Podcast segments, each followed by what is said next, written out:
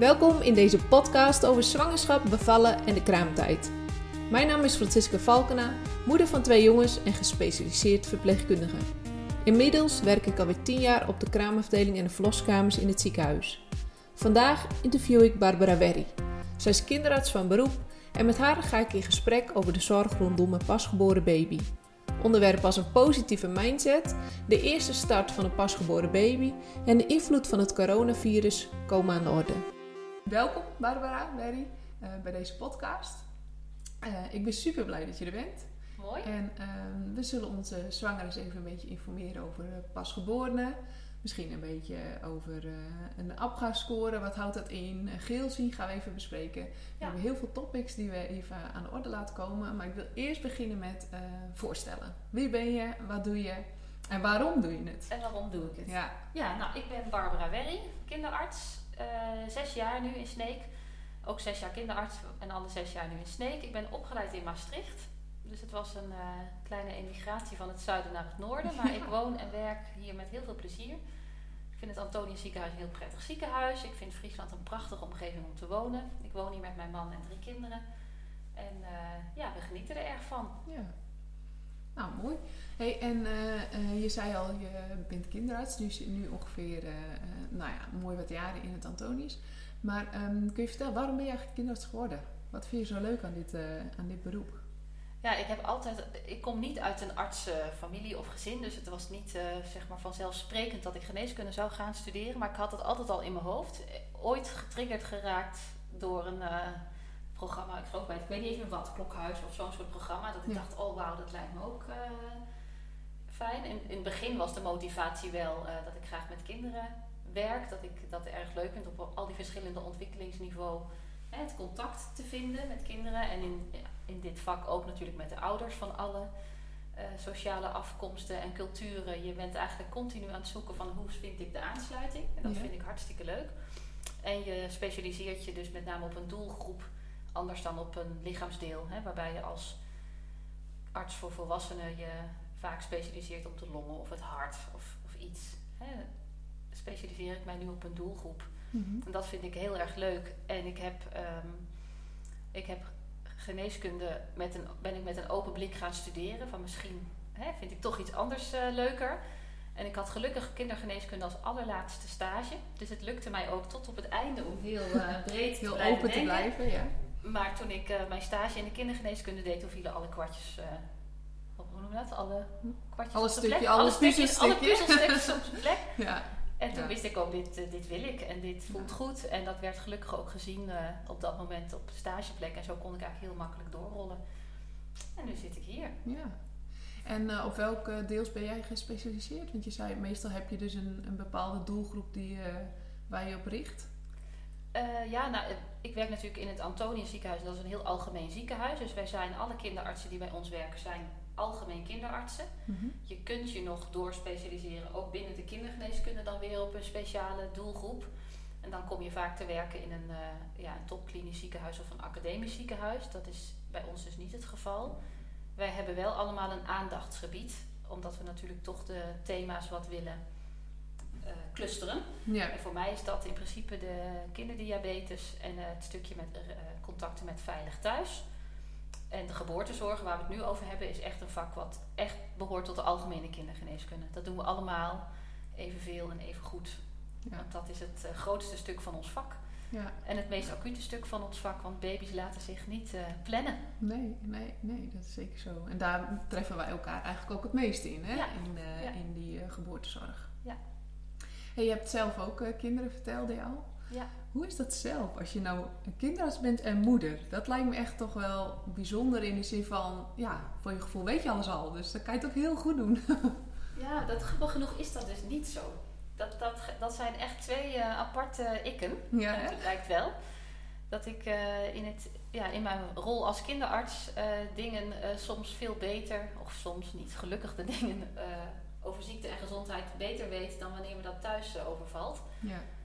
En ook bijvoorbeeld bij de bevallingen, waar we nu natuurlijk voor zitten. Zeker bij de eerste was ik alles kwijt. Ik, ik liet me helemaal uh, over aan de professional die erbij stond. En dat was fijn. Ja. Ik, uh, ik had wel bijvoorbeeld bij de hè, de cursus. Ik had een vergelijk, niet zoiets moois als wat jij aanbiedt, maar ook een, een of andere cursus over bevallingsfeiten. En toen dacht ik qua, zeg maar, qua theorieën wel van, oh ja, dat weet ik allemaal wel. Ja. Maar het stukje hoe dat voelt en hoe je dat samen oppakt en hoe je daarin gaat, dat wist ik natuurlijk ook allemaal niet. ja, ook een beetje het stukje mindset, Ja, eh, die daarbij kan ja. eh, kijken misschien. En zeker voor mij als kinderarts, wanneer ik erbij kom, is er natuurlijk toch een reden dat ik erbij kom. Dus ik was ook wel erg eh, ja, gekleurd op dat stuk. En ik heb gelukkig zelf mogen ervaren dat eh, bevallen iets heel moois is.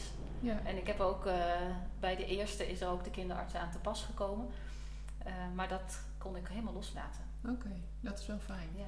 Volgens mij is dat ook het belangrijkste wat je moet doen Ja, dat denk als bevallende. Ja, ja. Vertrouwen op je omgeving en op je kind en op jezelf. En ik ben heel nieuwsgierig dat je zei, eh, het was heel mooi, maar wat, wat, wat is je vooral bijgebleven? Dat je zegt van, oh, dat vond ik echt zo bijzonder aan de bevalling en de geboorte. Ja, dat is eigenlijk vooral een gevoel. Ja, hè? Ja, ik vind dat moeilijk om daar woorden aan te geven. Ehm, nou, van de, van de eerste bevalling weet ik nog, want toen, toen ontstond er wel eh feutale nood bij, de- bij onze dochter. Hm. En toen, eh, toen was, was er zo'n CTG-apparaat aangesloten, waarmee je dus de hartslag van het kind en van moeder, eh, of de weeënactiviteit en de Ja, Hartslag hartslag van van het kind. Ja? beoordeeld. En toen, ja, toen zag ik dat de hartslag van onze dochter Naar beneden. naar ging. beneden ging en ook niet meer herstelde. Oh, wat, ja. wat ja, hè, dat hij zakt tijdens een wee is normaal, maar daarna stijgt hij weer. En dat gebeurde niet. En toen werd de noodbel ingeduwd. En toen was het enige moment dat ik echt wist wat er gebeurt Oh ja, als iemand een noodbel induwt. En dat, dat gevoel wat je dat dan hebt. gevoel, Ja. eh, dat is mij heel erg bijgebleven. Daar heb ik ook wel eventjes last van gehad. Maar gelukkig is Ja. dat... eh, het had namelijk uiteindelijk een goede start. Dus dan maakt het een Oh, ja. goed.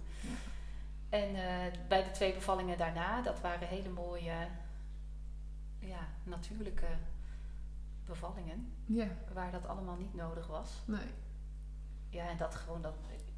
ik, ik kan er geen woorden aan geven. Ik snap het wel. Ja. Op het moment dat je kindje geboren wordt, dan kan je bijna niet omschrijven eigenlijk wat er dan met je gebeurt. Hè? Nee. Dat je gewoon even helemaal ja, verbaasd en, en je gevoel van soort van verliefde. Althans, dat Ja, had ik echt heel sterk. Dat je echt denkt, Ja, heel sterke wauw. verbondenheid Ja. en, eh, en vertrouwen ook. Bij en ons, derde, trots. Althans, trots, ja. ja. bij ons derde kind heb ik ook heel erg geprobeerd om alles heel erg positief te voelen. Van ook die weeën van, oh wat fijn dat jullie er zijn, want ik heb jullie nodig. En, eh, en dat ook soms echt, dat mijn man op een gegeven moment zoiets had van, nou nu weet ik het wel hoor. dat ik dat ook bleef zeggen, om zo die, in die positieve sfeer te blijven zitten. ja. En toen was ik ook blij verrast, al heel snel, veel verder ontsloten dan ik dat dacht. En die bevalling ging oh, gewoon goed. heel goed. Dus ja. dat is Oh, wel mooi dat je dat zegt. Want ik denk dat onze luisteraar dat ook wel heel erg helpt. Want ik ben daar ook echt van overtuigd dat op het moment dat jij je positief tijdens je bevalling zeg maar eh, eh, ja, moed inspreekt eigenlijk als het ware. Hè? Of, of bepaalde affirmaties, hè? bepaalde dingen die je tegen jezelf zegt in de positieve zin. Dat dat je absoluut eh, in de positieve manier ook gaat stimuleren voor je bevalling. Hè? Je bevallingsproces als het ware Ja. op een positieve manier eh, beïnvloedt. Nou, we weten natuurlijk ook wel uit onderzoek dat niet, niet, niet op zo'n korte termijn hoor, van jezelf een positieve boodschap inspreken, dat dat direct hormonale gevolgen heeft bij Nee. het kind. Maar we weten wel dat, dat eh, de stemming en de gedachten en alle hormonen die daar vrijkomen bij een zwangere, positieve of, of als het een negatief geval betreft, negatieve gevolgen kan hebben op, op het stresslevel van het kind. ja. Dus dat is, ja, Ja. weet je, zolang je nog eh, de baby in je buik hebt, zijn je al je hormonen en emoties gewoon met elkaar verbonden. ja. Dus dat is, eh, ja. Ja, dus eigenlijk kun je al eh, in, als je zwanger bent, hè, de baby in de buik beïnvloeden met eigenlijk positiviteit, zeg je dan. Of ja, vooral dat je heel erg als kinderarts alert moet zijn als er signalen zijn van eh, spanning of stress. Oh ja, dat dat invloed kan hebben op, hè, op, op juist op een pasgeboren baby. Ja. pasgeboren baby. En Maar op dan- de weken en dagen daarna. Ja, precies. Hè, dat die baby's soms echt gestrester en meer gespannen eh, geboren worden.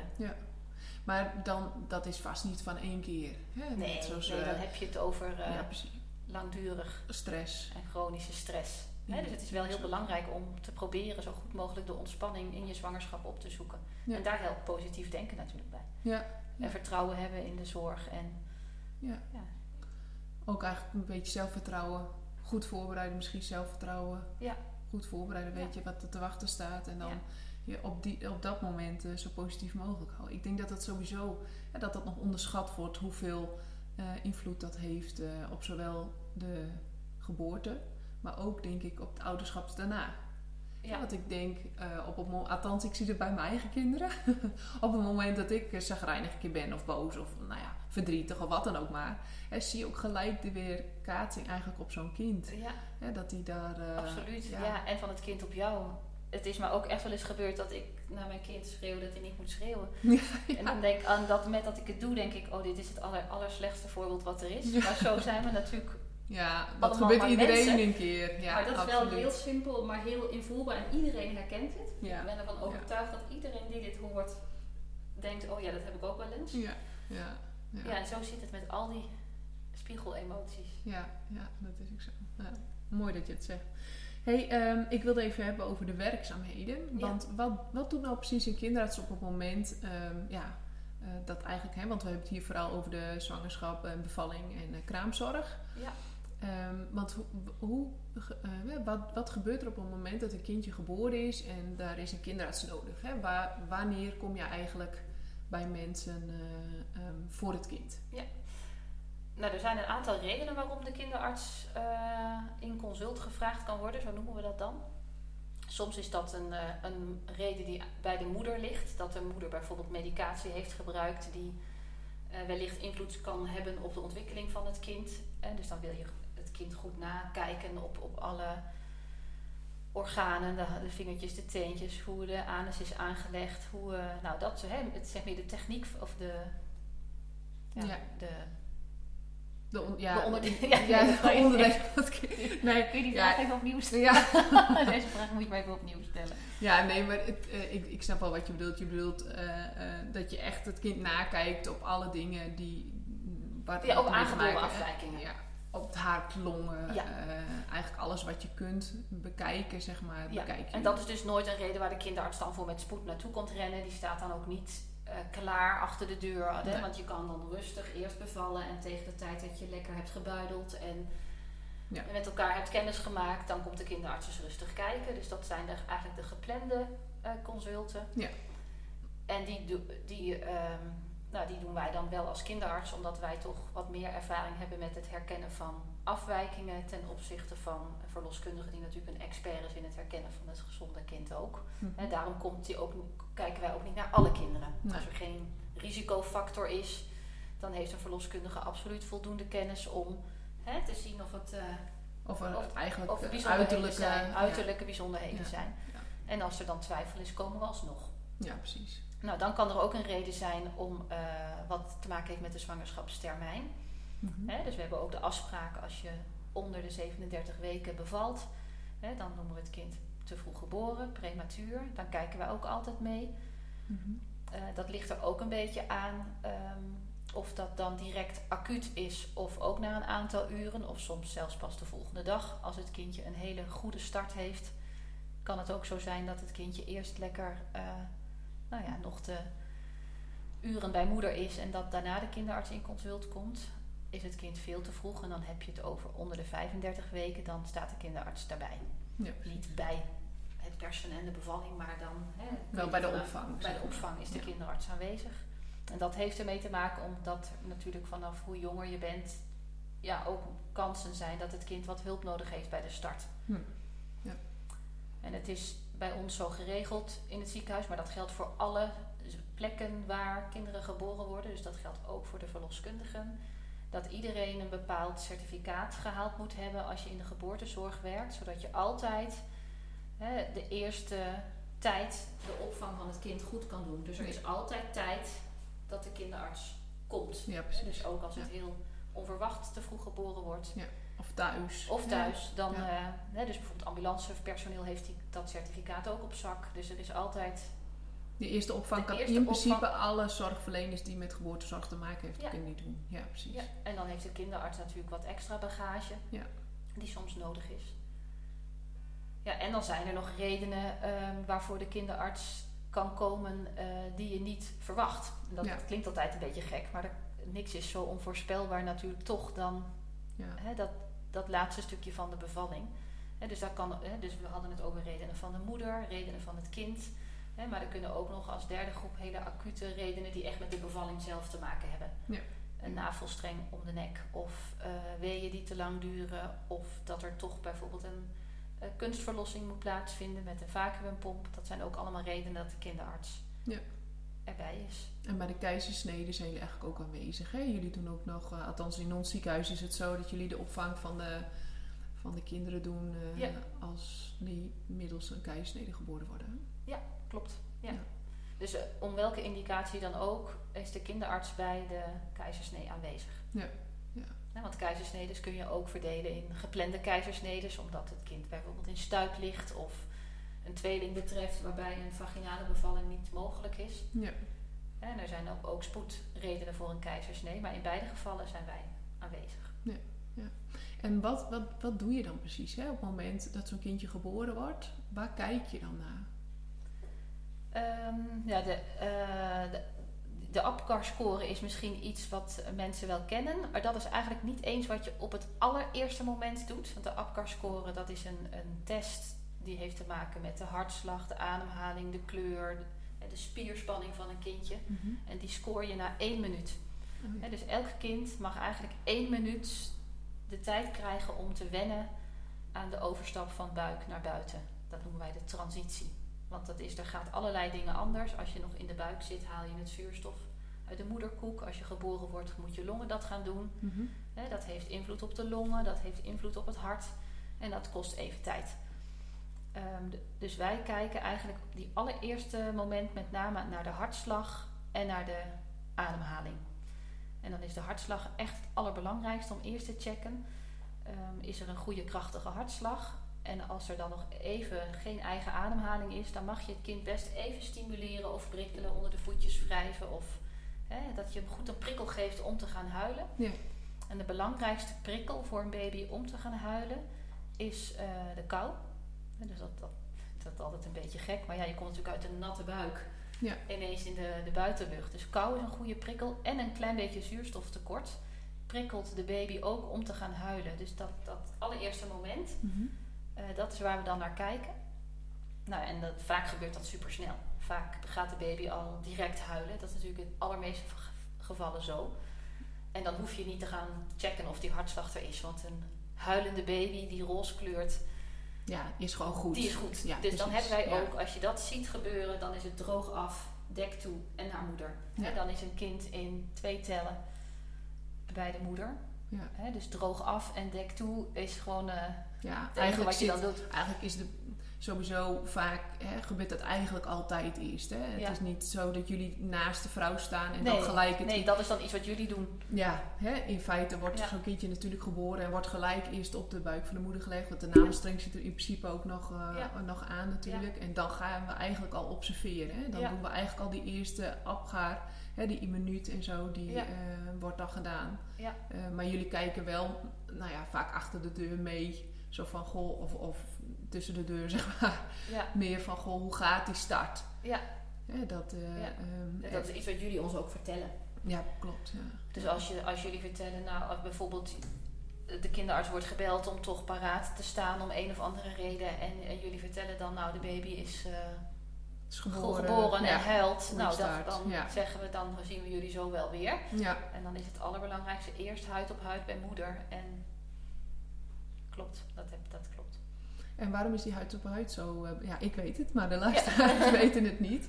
Waarom is die huid op huid eh, zo belangrijk eh, voor zo'n pasgeboren baby? Ja, door dat huid op huid contact stimuleer je heel veel, ja, ook hormonale processen, waarbij het kind direct de verbondenheid voelt. Het hoort de hartslag van de moeder, die die al die maanden in de buik ook heeft gehoord. En dat stimuleert voor de moeder een bepaald hormoon wat de borstvoeding erg stimuleert. Ehm, dus daarom willen wij heel graag de eerste minuten eh, of uren, zolang als het kan, de baby echt eh, bloot bij moeder hebben. Ja, en die warmte is natuurlijk ook super belangrijk. Hè? Want Ja. ze komen uit 37... Hè, een lichaamstemperatuur van een normaal mens is ongeveer 37 graden. Dat is ook zo. Ja, je hebt je eigen warmtebron bij je. Ja, en Dat klopt. weet je, geen enkele verloskamer is 37 graden. Want dan eh, zouden de bevallende vrouwen niet heel blij van worden. Nee. We hebben het al vaak wel warmer Eh, maar ja, dan is dat best wel een, koude, hè, best wel een overgang eh, sit- situatie. Dat is waar. Eh, meestal drogen we daardoor het kind echt af. En ehm, we doen ze eigenlijk altijd een muts op. En dat is dan toch ook echt voor de, ja, de, de kou. Ja. hè, dat, dat, Kindjes hebben natuurlijk een relatief groot hoofd. Mhm. En als je daar geen mutsje op doet, dan verliezen ze daar stiekem toch nog heel veel warmte. Ja. Ja. en dan meestal proberen we wel zo'n beetje een uur eh, eh, de huid op huid te stimuleren en bij moeder te leggen. Ja. En ehm, je ziet tegenwoordig dat we best wel lang wachten met eh, het afnavelen, hè, doordat dus eigenlijk maximaal zuurstof. Kun je daar iets over vertellen waarom, wij dat, waarom dat gedaan wordt? Ja, het, de, in die navelstreng zit natuurlijk ook nog heel veel bloed. Dat Ja. is een soort bloedreservoirtje. Ja, En dat bloed bevat natuurlijk veel zuurstof. En het is, het, ja, het is een beetje een ingewikkeld verhaal, want dat heeft ook te maken met het type rode bloedcellen wat daar dan in zit. Mhm. Omdat een pasgeborene eigenlijk op een ander type bloedcel eh, zijn zuurstof vasthoudt dan, hè, dan als je eenmaal een paar eh, weken of maanden oud bent. Maar het is gunstig om daar eigenlijk zoveel mogelijk van aan boord te hebben om nou ja, zo goed mogelijk je eigen zuurstofvoorziening op gang te houden. ja. Ja. Ja, dat is, want tegenwoordig zien we dat best wel veel in bevalplannen terug. Ja, Dat eh, mensen willen dat een laat afnavelen. Ja, ja dat, eh, dat het Ja. kind zoveel mogelijk nog. Nou, daar zijn wij ook een voorstander van. Er zijn zelfs ontwikkelingen binnen ons vak. En ik weet dat in sommige academische ziekenhuizen het ook al gebruikt wordt. Omdat natuurlijk ook hoe jonger of hoe prematuurder een kind is, hoe nog belangrijker het is om ze van een goede zuurstofboost te voorzien. Ja, ja.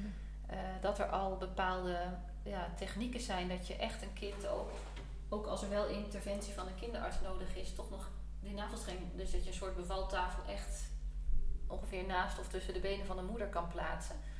Maar zover zijn wij hier. eh, En wat, In wat ons ziekenhuis. precies? Dan? nou, nu als het nodig is, Ja? eh, dan, wordt, dan moet natuurlijk toch in ons geval het kind afgenaveld worden, omdat het kind dan op de oh, zo. onderzoekstafel Ja, van de kinderarts ja, wordt geplaatst. Die staat bij ons niet tussen de benen van de moeder. Nee.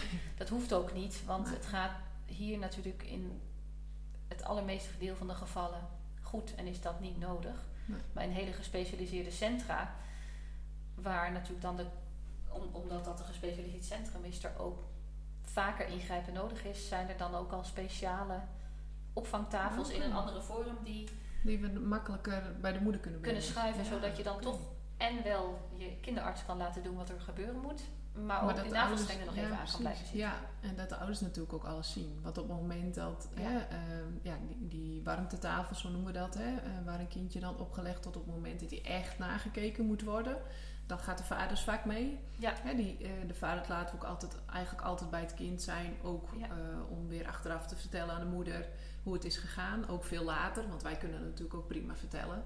Op het moment dat de mensen weer thuis zijn en ze daar nog over nadenken, hè, kan die partner dat als ondersteuning doen. Ja. Eh, ook voor foto's en dat soort dingen.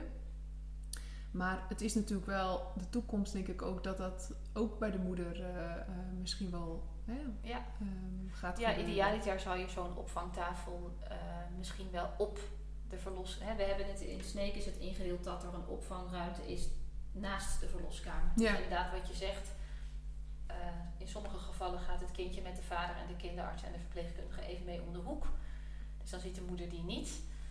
Ehm, op de operatiekamer staat de opvangtafel wel in dezelfde ruimte. Ja, ja. Hè, dus dan is, zijn moeder en kind wel in dezelfde ruimte.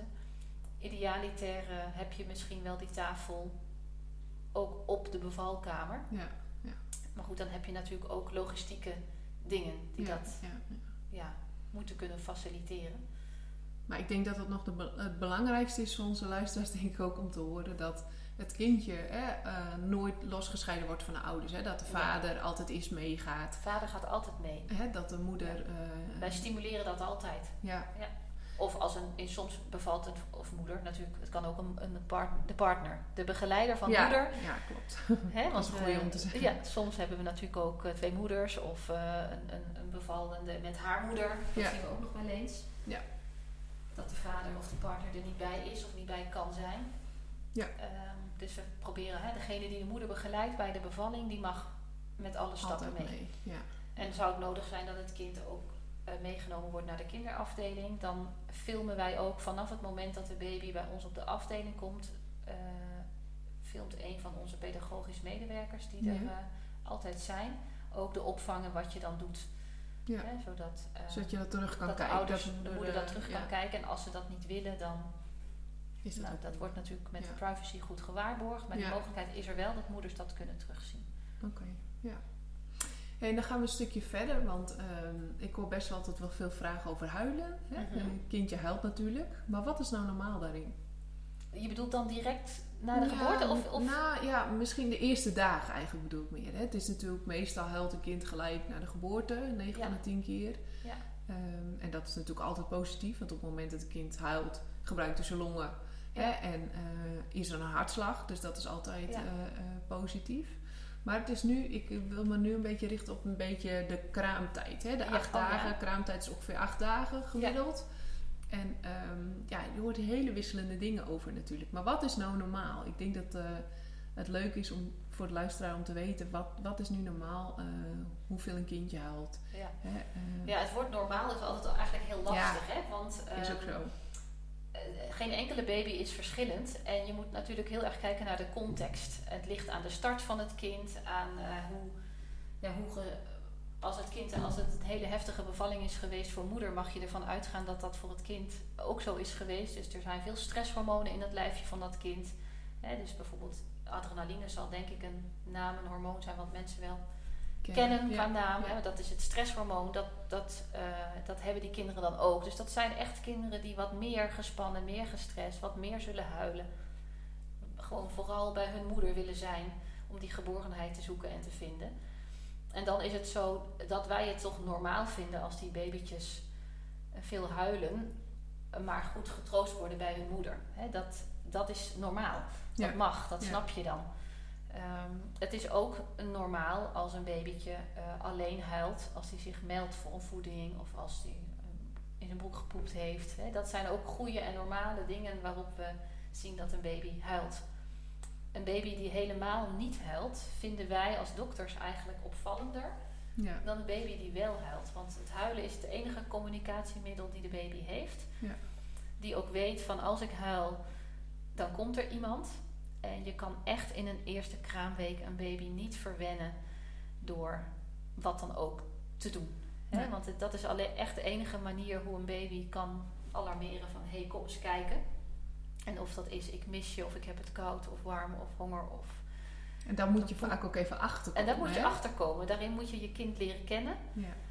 En wat wij wel altijd een belangrijke vraag is: kun je het kind geruststellen? Hè? Is het kind te troosten? Ja. Als je het kind een flesje of een borst hebt gegeven en eh, de luier is verschoond en het is fijn bij je, wo- wordt het dan rustig of blijft het dan nog erg veel huilen? En Ja. dat zijn eigenlijk de vragen die wij proberen uit elkaar te vissen. Nou, dat, ik denk dat dat een hele goede houvast is. eh, Ja, Om te spiegelen van, goh, is er echt wat aan de hand? Hè? Ja. Of is het gewoon normaal, eh, normaal gedrag? Hè? Wij zeggen ook altijd hoor, op, eh, op de kraamafdeling... joh, je kunt je kind de eerste maanden eigenlijk helemaal niet verwennen. nee. Hè? Dus op het moment dat hij huilt, pak het lekker bij je... en kijk wat er aan de hand is. Hè? Ga de stappen eigenlijk weer... In Ja. het begin zeggen we ook, ga de stappen een beetje bij langs. Hè? Ja. Kijk, eerst is het honger.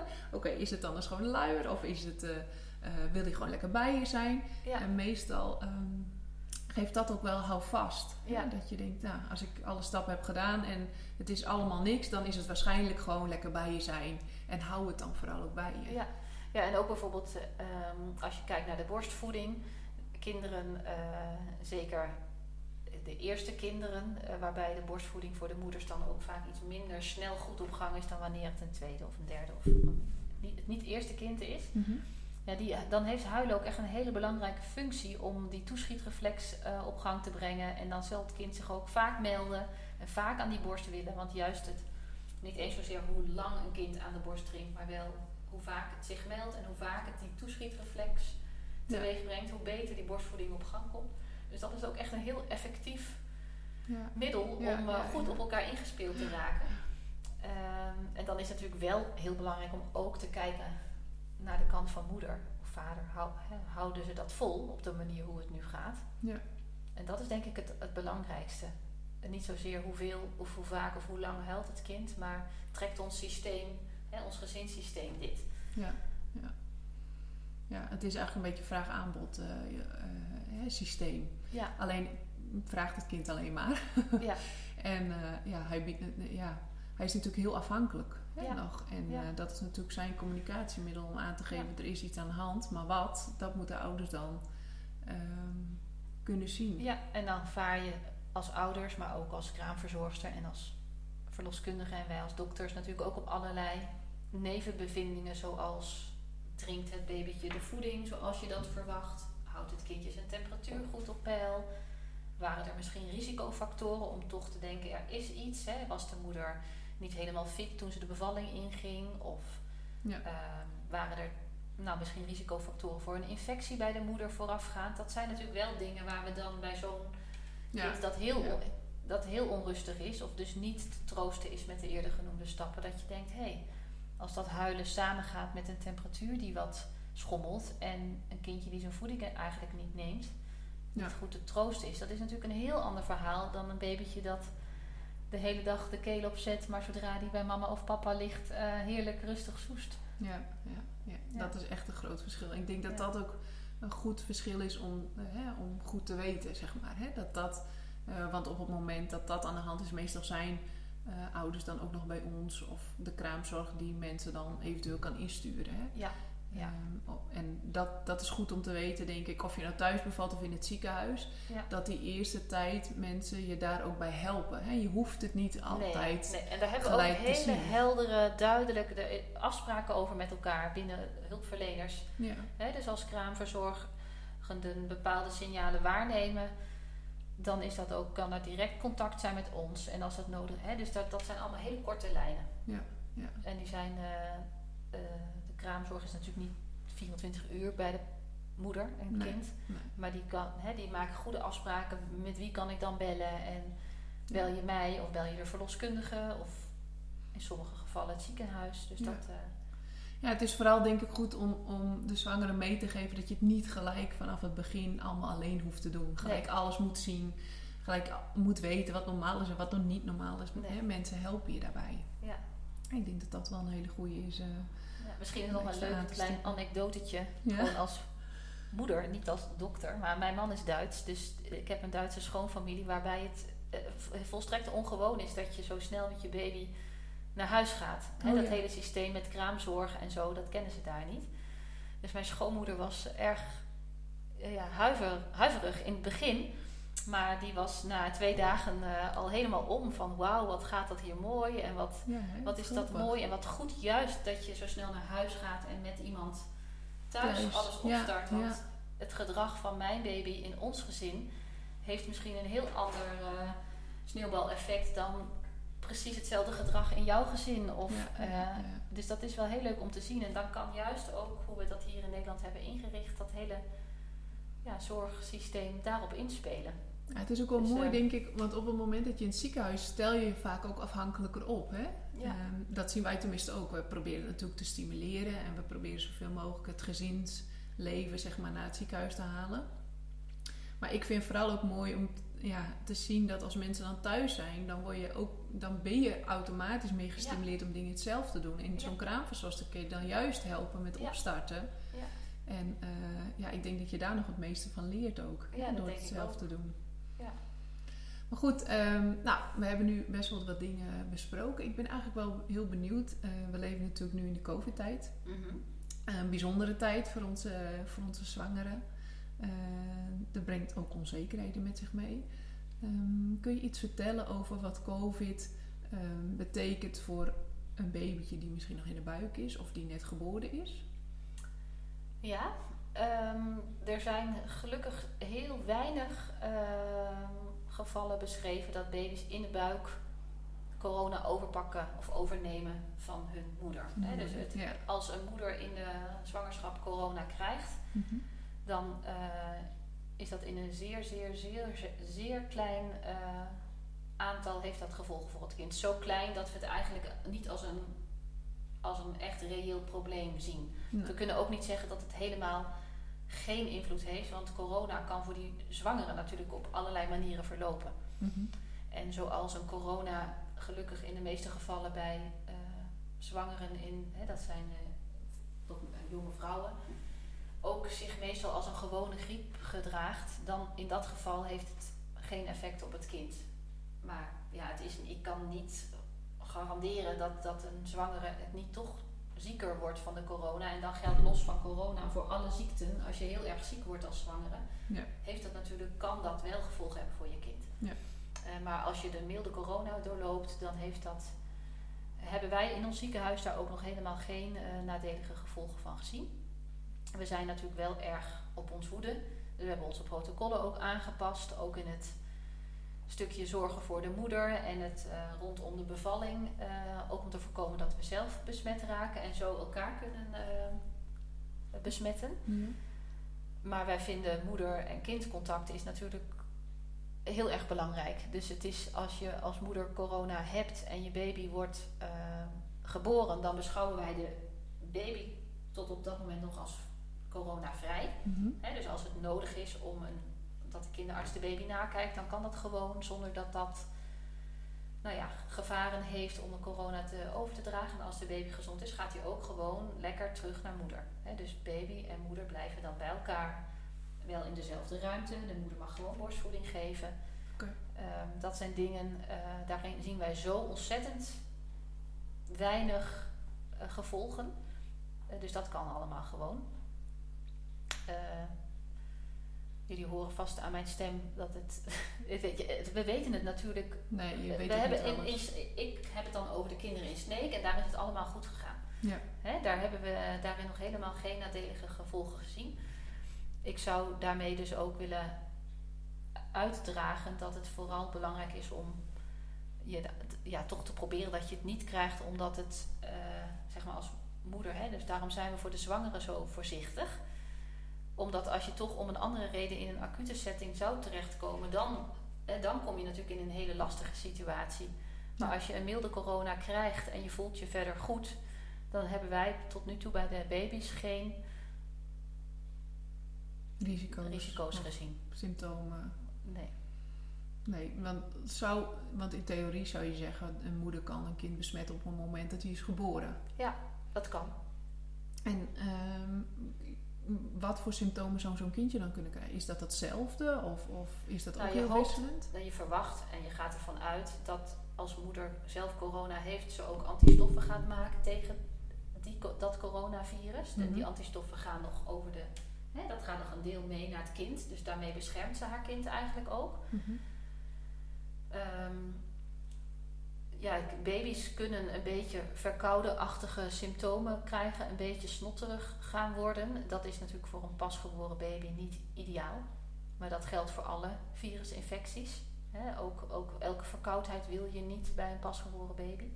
Daarom zijn we überhaupt ook bij zuigelingen onder de drie maanden met signalen van luchtweginfecties heel eh, voorzichtig. Om goed met elkaar te evalueren. Dus te bekijken van spelen er andere dingen. Is er ook koorts? Drinkt het kindje nog goed? Eh, dat soort zaken. Want dat is met name wat het dan gaat belemmeren. Als dat neusje heel erg vol snotjes komt.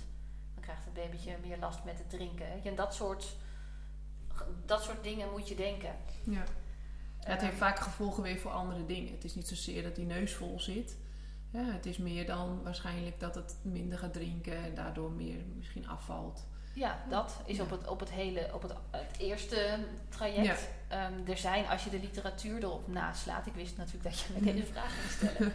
Als je de literatuur erop naslaat, er zijn wel enkele baby's beschreven die er wel ziek van worden, die longontstekingachtige klachten krijgen. Eh, maar echt het- een uitermate klein aantal. Ik, ik zou echt eh, proberen om dat niet als een grote angst boven het hoofd te laten gaan. Nee. Want er zijn ja, helaas nog wel meer dingen die eventueel misschien zouden kunnen gebeuren. Ja, precies. Eh, maar echt in het aller, allergrootste deel van de gevallen gaat het goed. Ja, ik denk ook dat dat belangrijk is, denk ik, om onze zwanger een beetje gerust te stellen. Ja, Want ja, weet je, je krijgt ook zoveel informatie, fit nieuws, social media, alles gaat nu even over corona. Hè? ja, En dat helpt, denk ik, de zwangere ook niet. Eh, ehm, ja, dat maakt je onbewust toch ook wel wat ongerust. Hè? Ja. En vooral dan in eerste instantie denk ik om je kind. Want meestal als moeder zijnde maak je meer zorgen om je kind dan ja, op dat moment over jezelf, denk ik. ja.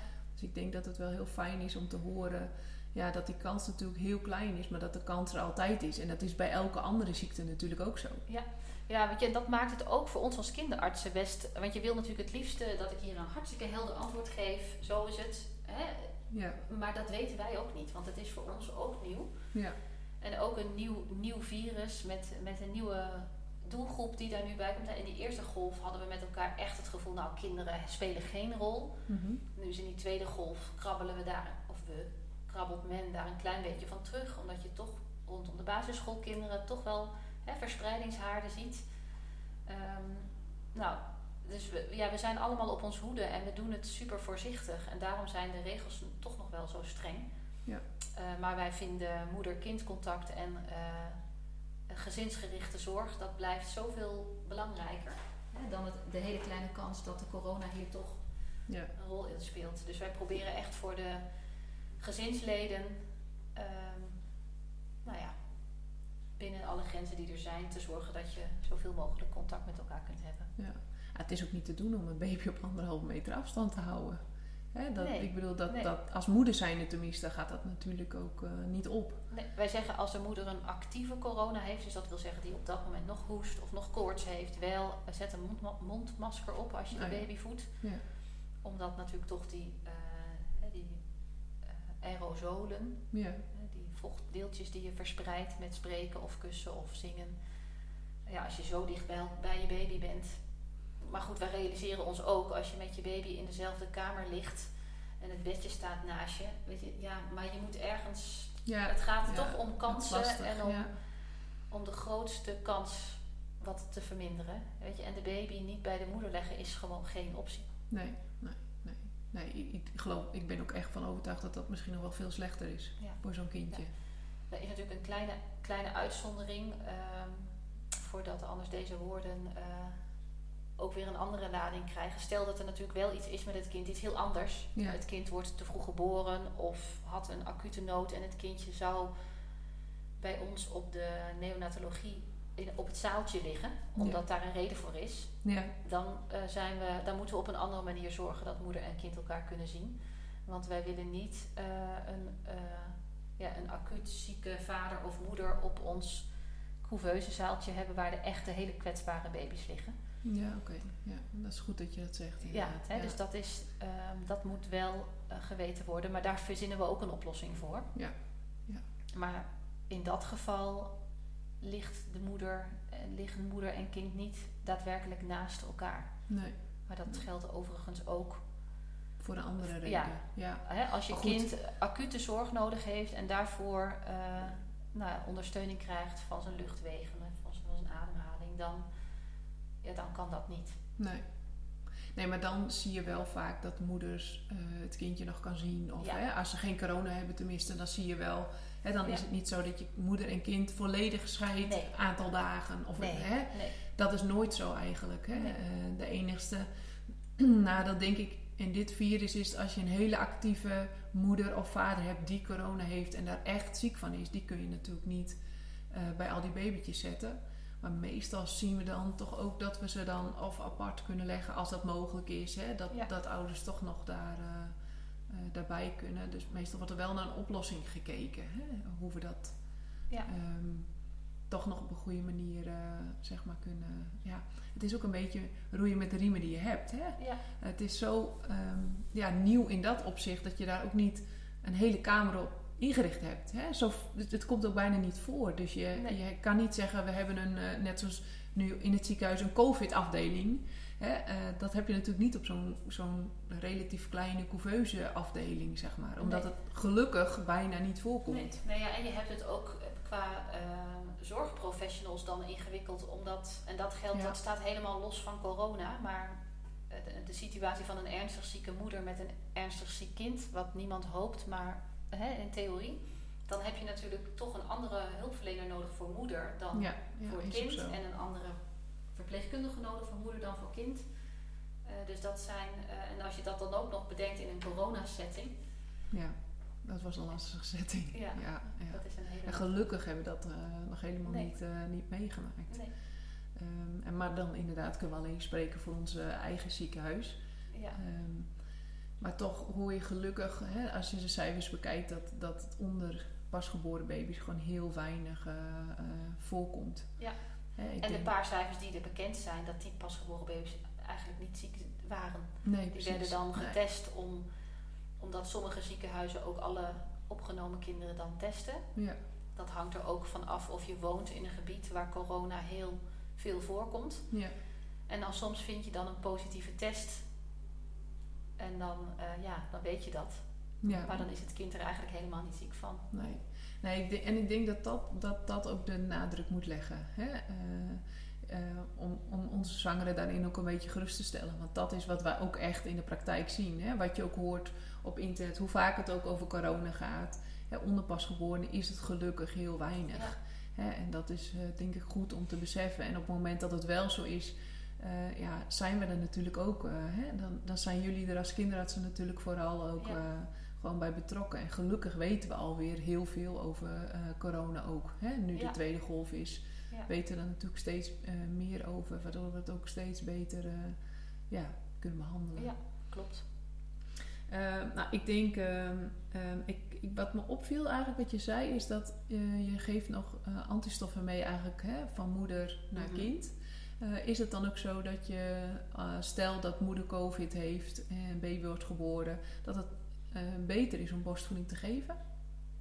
Omdat moeder dan antistoffen ja, eigenlijk denk heeft. dat, dat, dat zou je denken van wel. Nou, in ik heb dacht niet ik opgezocht, maar Nee. ik denk het wel. Ik denk het wel, want, maar dat weet ik niet zeker.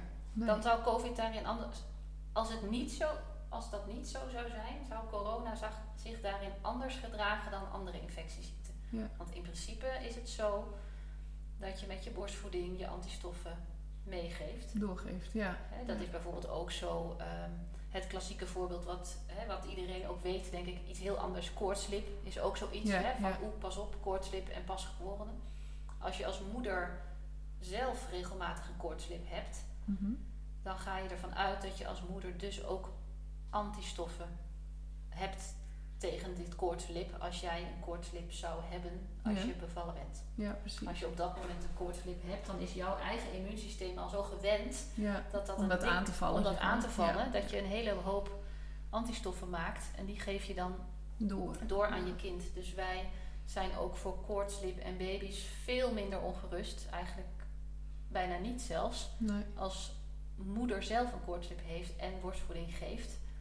Dus ik denk, ehm, nou is corona natuurlijk totaal anders, maar op jouw vraag Ja, is dat dan nou ja, ineens dacht ik ja. eraan, omdat je het zo zei. Ik heb het niet opgezocht, maar ik denk het wel. Het is wel best wel aannemelijk om dat, dat te denken, zeg maar, Ja. dat dat helpt. Hè? Dat het zou helpen. We Eh, zeggen wel eens hè, dat borstvoeding eigenlijk eh, ja, de, de eerste bescherming is voor een heleboel eh, infectieziekten. Ja, ja, ja. En dat is natuurlijk het mooiste, omdat je het ook bij je draagt. Niet dat we nou valikant tegen flesvoeding zijn, want dat wil ik ook weer niet afgeven. Maar Nee, eh, toch is borstvoeding wel één, voor je kind in ieder geval, de beste voeding eh, die er is, omdat die antistoffen erin zitten. zeker de eerste, de eerste start. Hè? Ja. Ik hoor ook wel eens moeders die dan eh, zich heel verdrietig of schuldig voelen dat ze na een paar dagen of, of een week zijn moeten stoppen. Maar dan heb je echt zo'n ontzettend belangrijke zet gemaakt. Ja, ja. Hè? Dus Toch dat eh, eerste even meegegeven. Dat eerste mee, al zijn het maar die eerste paar druppels Ja. van die... eh, En vooral hameren we er natuurlijk heel erg op bij, bij vrouwen die, ehm, nou ja, die al, misschien al eens eerder te vroeg geboren kindjes hebben gebaard, zeg maar. Ja. Stimuleren we natuurlijk ook om ehm, Ja. eh, toch, nou ja, soms zelfs in de zwangerschap al te gaan eh kolven. Hè? Om die eerste voeding toch nog mee te geven. Want vooral ehm, bij te vroeg geboren kindjes wil je die antistoffen meer we- eh, meegeven. Ja.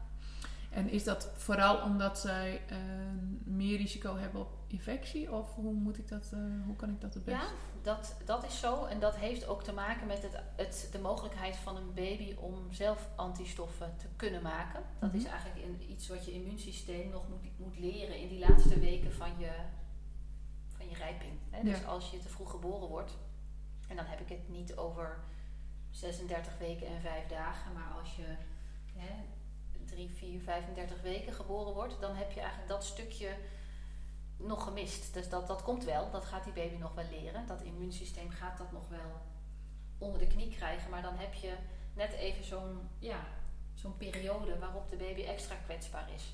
Ja, precies. En vaak zijn dat ook kinderen die wat minder reserves aan boord hebben. Dus wat minder eh, vetjes hebben aangelegd, wat minder suikervoorraadjes hebben aangelegd. Mhm.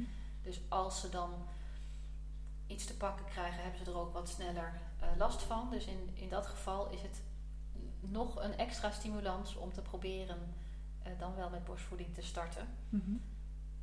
En hoe lang je dat dan volhoudt of wil volhouden of wil voortzetten, is dan weer een volgende vraag. Maar Ja. die, die eerste start, die eerste druppels moedermelk met al die antistoffen, die zijn echt goud waard. Ja. Nou, ik denk dat het heel mooi is om, eh, om die, ja, even dat stukje kennis erachter Ja. te weten. Ja, dus Ja. dat, er is nog een andere hele belangrijke reden. Dat is namelijk voor de darm. Oh ja. Want de darmwand is natuurlijk ook nog te jong. Als je vroeg geboren wordt, is ook die darmwand nog niet ehm, ja, helemaal uitermate af eh, Nee, zoals je hem dat nee. zou willen. En omdat het allemaal lichaams eigen voeding is, die je dan van je moeder krijgt, waarin de baby ook in de buik al gewend is geraakt, natuurlijk niet aan voeding. Want in de, als je nog niet geboren bent, gebruik je je darmen nog niet als. eh, daar haal je je voeding nog niet uit. Hè, nee. Want je krijgt je voeding via de moederkoek. Ehm, maar ja, die moedermelk die is zo eh lichaams-eigen voor het kind, dat die darm daar eigenlijk helemaal geen energie of geen moeite in hoeft te stoppen om dat te verwerken. Anders dan de kunstvoeding, waarbij dat wel is. Dus dat is ook echt voor, de, voor die eerste dagen, voor de te vroeg geboren darm, heel gunstig en heel goed om de darm dan te laten wennen van, oh ja, we gaan nu op een andere manier onze voeding eh, binnenkrijgen. Ja, ja. ja, dat is een hele mooie, denk ik. ik denk, je kunt het dus eigenlijk, ook al voel je soms als ouders best wel machteloos, hè, vooral zien we dat bij kindjes die te vroeg geboren zijn, dat je zegt, ja, hij ligt daar en kan niks doen. Is dit eigenlijk best wel een hele mooie manier om toch nog aan de gezondheid van je kind eh, eh, Ja. mee te werken, zeg maar. Ja. Dus dat is, eh, ja, ik denk, nou, dat is een hele mooie, dat blijf ik een hele mooie vinden. Ja. Ja. Hey, en wat we zien, niet alleen bij te vroeggeboren kindjes, maar ook bij gewone kindjes, is dat ze geel worden. Kun je daar iets over, over uitleggen? Ja, zeker. Ehm, inderdaad, wat je, dat zeg je heel goed. Alle kinderen worden in meer of mindere mate geel. Soms een heel klein vleugje, soms hebben ouders het helemaal niet opgemerkt. Eh, je kan wel een beetje stellen dat hoe jonger of hoe vroeger je wordt geboren, hoe meer kans je toch hebt dat je iets geler wordt. En dat heeft ermee te maken. eh, we hadden het al even eerder over de rode bloedcellen, over dat later afnavelen. Ja, klopt. Dat komt nu eigenlijk even terug, want je hebt als baby nog een, een andere vorm van rode bloedcellen dan eh, uiteindelijk in de rest van je leven. En die ga je ook afbreken. Die heb je niet meer nodig als je eenmaal geboren bent. Nadat ze je die extra boost aan zuurstof hebben gegeven, gaat je lichaam die afbreken. En een afvalstof van die cellen is bilirubine. Dat is dat stofje waar je geel van wordt. Ja. En dat heeft de neiging om zich op te slaan in de huid. Dus daarom ga je er zo geel van zien. Mhm. Maar je kunt ervan uitgaan dat dat stofje ook net zoveel in je bloed aanwezig is. En je lever die ruimt dat op. Oké. En ben je een voldragen baby met een goed gewicht, dat al direct de voeding goed verdraagt en goed poept en goed plast, dan kun je ervan uitgaan dat die afvalstoffen die de lever maakt, geeft dat af aan de darm en dan poep je dat uit. Eh, maar goed, zit er ergens in dat hele traject een hobbeltje, namelijk je bent heel vroeg geboren, dus je lever werkt nog niet op volle toer. Of ehm, eh, er was heel veel stress rondom de bevalling, dus er is, er is al veel eh, al- de, de, lever is al heel hard aan het werken met iets anders. Ehm, of bijvoorbeeld eh, je hebt blauwe plekjes omdat je met een vacuümpomp bent geboren. Of met de keizersnee eh, vanwege stuit is er iets. iets hè, dat, dus als je wat meer blauwe plekjes hebt, dan zit er natuurlijk wat meer van dat bloed. Mhm. Dus dat komt ja, sneller vrij en dan zie je soms een piekje in dat geel zien. Dat is op zich onschuldig. Maar je kunt de kinderen wel helpen door ze onder een lamp te leggen. Gewoon elke willekeurige lamp? Nee, eh, een speciale lamp. Oké. Eh, Voor het raam heeft, is ook de, is niet goed. nee. Vroeger nee, dachten we, we kunnen ze ook ja. voor het raam zetten. Maar dat gaat om een bepaalde type van de UV-straling. En die zet, het, het is ingewikkeld om dat in detail te vertellen, maar die breekt dat afvalstofje dat zich in de huid opslaat eh, af. En dan kan er vanuit het bloed weer een nieuw voorraadje naar die huid en dan wordt dat weer afgebroken. Dus daarmee help je eigenlijk het lijf om niet alleen via poepen en plassen de afvalstoffen weg te krijgen, maar ook ja, via de lamp, via het licht. Ja, en dat is eigenlijk fototherapie, hè? Dat, Ja, dat is, Dat heet fototherapie. maar wanneer is dat nodig? Want dat is natuurlijk lang niet eh, ehm, altijd nodig. Dat- Nee, nee, er zijn eh, grenzen afgesproken hoe hoog dat stofje mag zijn in het bloed. Mhm. En dat stofje dat mag iedere dag ook hoger zijn, omdat elke baby ga je dat stofje vinden in het bloed. Mhm. Ehm, Dat is eigenlijk een natuurlijk proces. Dat is dus een dan. natuurlijk Ja. proces. Dat, dat per definitie gaat iedere baby dat stofje aanmaken. Mhm. Anders zou er iets mis zijn als hij dat niet doet.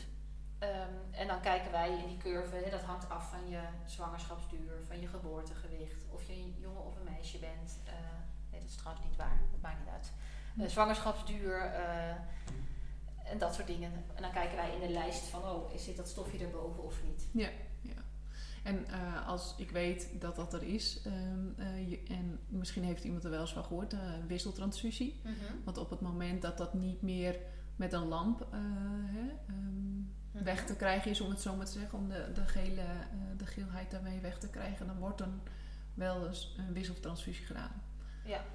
Maar volgens mij, naar mijn beleving, wordt dat bijna nooit meer gedaan, of wel? Nee, heel zelden, omdat we zo'n goede protocollen hebben en ook iedereen, ook de kraamzorg en de verloskundige en iedereen weet hiervan. Iedereen Ja. kent dit verschijnsel. Dus iedereen is er alert op en je kunt het eh, nou, vrij makkelijk ook checken eh, met een prikje bij de baby om te zien hoe hoog is dat stofje. Nou is het natuurlijk niet leuk om een babytje te prikken, maar het is, hè, als, je de, als je het zou missen, kunnen de gevolgen wel groter zijn. Ja. Ehm, dus we, klopt, eh, we wisselen bijna nooit meer. Zelfs zo weinig dat we ook de afspraak hebben gemaakt, niet alleen wij in Sneek, maar wij als eh, algemeen ziekenhuizen, dat als dat nodig is, dan doen we dat ook niet meer Nee. in dat betreffende ziekenhuis. Maar dan sturen we het kindje door naar het centrum waar dat vaker gebeurt. Omdat we het zo weinig doen. Ik heb het in de zes jaar hier nog nooit gedaan. Nee. Zo weinig komt dat voor. Ja. Dus daar, eh, volgens mij hoeven hoeft men zich daar niet eh, Nee. bang Kun je te heel maken. kort uitleggen wat het is? Want wij hebben het over wisseltransfusie, maar ik, weet niet, Nee, ik denk niet nee, dat iedereen dat weet. Nee, daarbij haal je eigenlijk het bloed van het kind eh, weg, waar dus heel veel afvalstofjes in zit. En je geeft eh, bloed terug eh, vanuit bloedtransfusiebloed, waarin dat afvalstofje dus niet zit, waardoor je Ja. nou ja, dat gele stofje kwijtraakt. En dat is bloed van het kind of is dat bloed van een ander? Dat is transfusiebloed, dat is van een ander. Ja, precies. Dat donorbloed. Donorbloed. Ja. Ja. Nou, ik denk goed, hè, het Dus- komt heel weinig voor, ja. maar ik denk wel goed dat om even uit te leggen, want dan weten mensen denk ik waar we het over hebben. Eh, en dat het gewoon dus normaal is dat elk kind gewoon geel wordt. Ja. Hè? eh, we krijgen best wel vaak die vraag van, goh, eh, hoe zit het dan en hoe geel en, en, en wat kan ik eraan doen? Maar in feite kun je er zelf eigenlijk niet zo heel veel aan doen, behalve dat hè, goed drinken. Goed drinken, goed, Goed ja, dat is het allerbelangrijkste. Ja, dat het kind goed vocht en voeding aangeboden krijgt. Dus als je Ja. merkt van nou, mijn borstvoeding is toch nog niet zo goed op gang. En ehm, ik zie dat het kind een vleugje geel wordt. Dan adviseren we toch ook vaak om tijdelijk even wat bijvoeding te starten. Ja. Eh, zodat het goed doorspoelt. Ja. Het is eigenlijk een, eh, een kwestie van eh Ja, en dat, dat, dat, dat zien hè, degene, want dat is vaak de eerste week, hè, want wanneer worden ze meestal te- eh, hè, op het top? ja, Vierde zeg maar dag dag zo'n 3, beetje? 4, Drie, 5 vier, is de ja. piek. Ja. Hè, dus dan is kraamzorg bij je, dan Ja. is de verloskundige of de verpleegkundige is dan gewoon ook nog bij je die je daarover adviseert. Hè? Ja. Dus je hoeft, het is niet zo dat mensen dat zelf heel Nee. alert in de gaten hoeven te houden. Nee, Eh, sterker nog, als je je babytje de hele dag ziet, dan valt het je Dan soms zie je dat niet helemaal niet eens. op. Nee, dan nee. is het juist de verloskundige die op dag drie of vier nog eens op bezoek komt, die zegt: Hé, hey, ik vind dit opvallend. Of de kraamzorg die eh, Ja. de volgende dag terugkomt en ineens opvalt. Ja, en ik denk dat het goed is om te weten dat dat, dat, dat gebeurt en dat dat dus een normaal proces is. Ja. En dat mensen dat dan herkennen en denken, oh ja, ik heb daar een keer iets over gehoord. Ja. Eh, zo zit dat. Ehm, ik heb eigenlijk nog een vraagje aan je, want ik weet dat die vraag onder veel eh, zwangeren leeft. En ik weet eigenlijk zelf het antwoord al, maar ik Oh. denk dat het goed is om even aan te geven.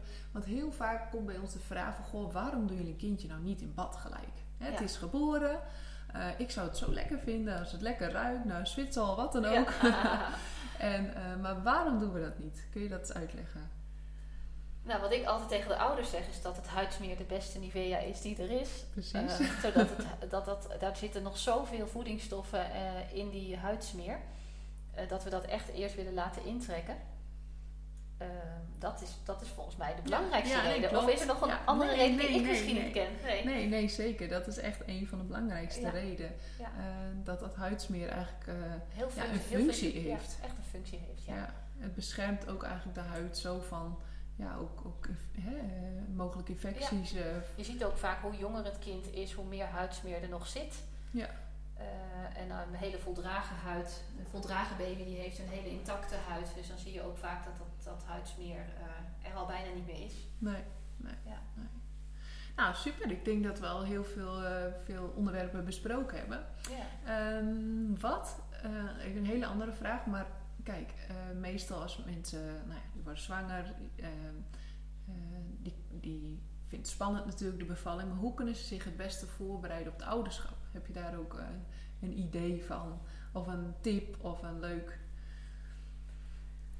iets wat je nog mee kunt geven aan zwangeren.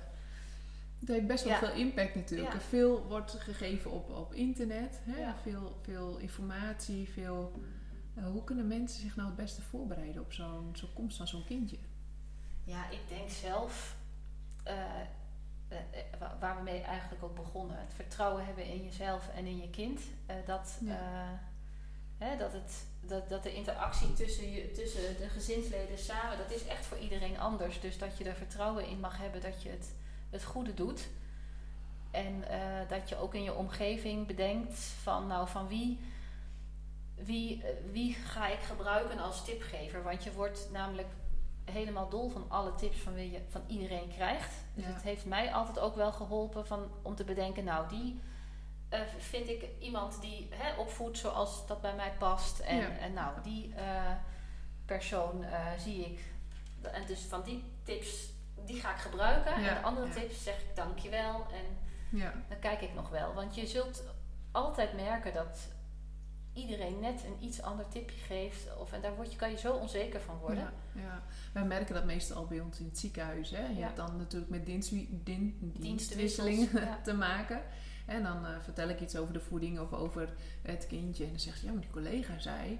Ja, maar ik zei, het is nu weer een hele andere situatie. Ja, het is een veranderlijk iets. Uh, ja, je krijgt geen gebruiksaanwijzing erbij. Nee, je moet elkaar aanvoelen. En nogmaals ook wat voor de ene heel goed voelt, voelt voor een ander niet goed. Nee. Hè, dat, nee. Uh, dat gaat over voeden en slapen en corrigeren. En uh, weet je, daar moet je echt je eigen draai weg, aan geven. Ja, weg in vinden. Ja. Het is ook gewoon goed om, om kijken. Hè? Vooral veel kijken, kijken naar je kindje. Ja. Wat, wat zegt hij eigenlijk? Hè? Of nou ja, ja. zeggen, maar hè? Wat, wat voor kenmerken geeft hij af?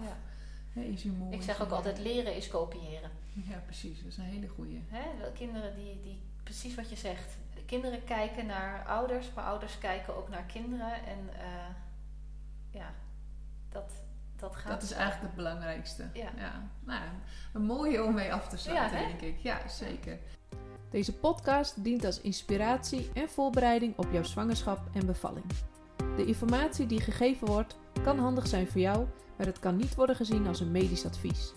Voor meer informatie over hoe jij je het beste kunt voorbereiden op jouw bevalling, ga dan naar www.krachtigbevallen.nl, het online platform voor zwangere vrouwen.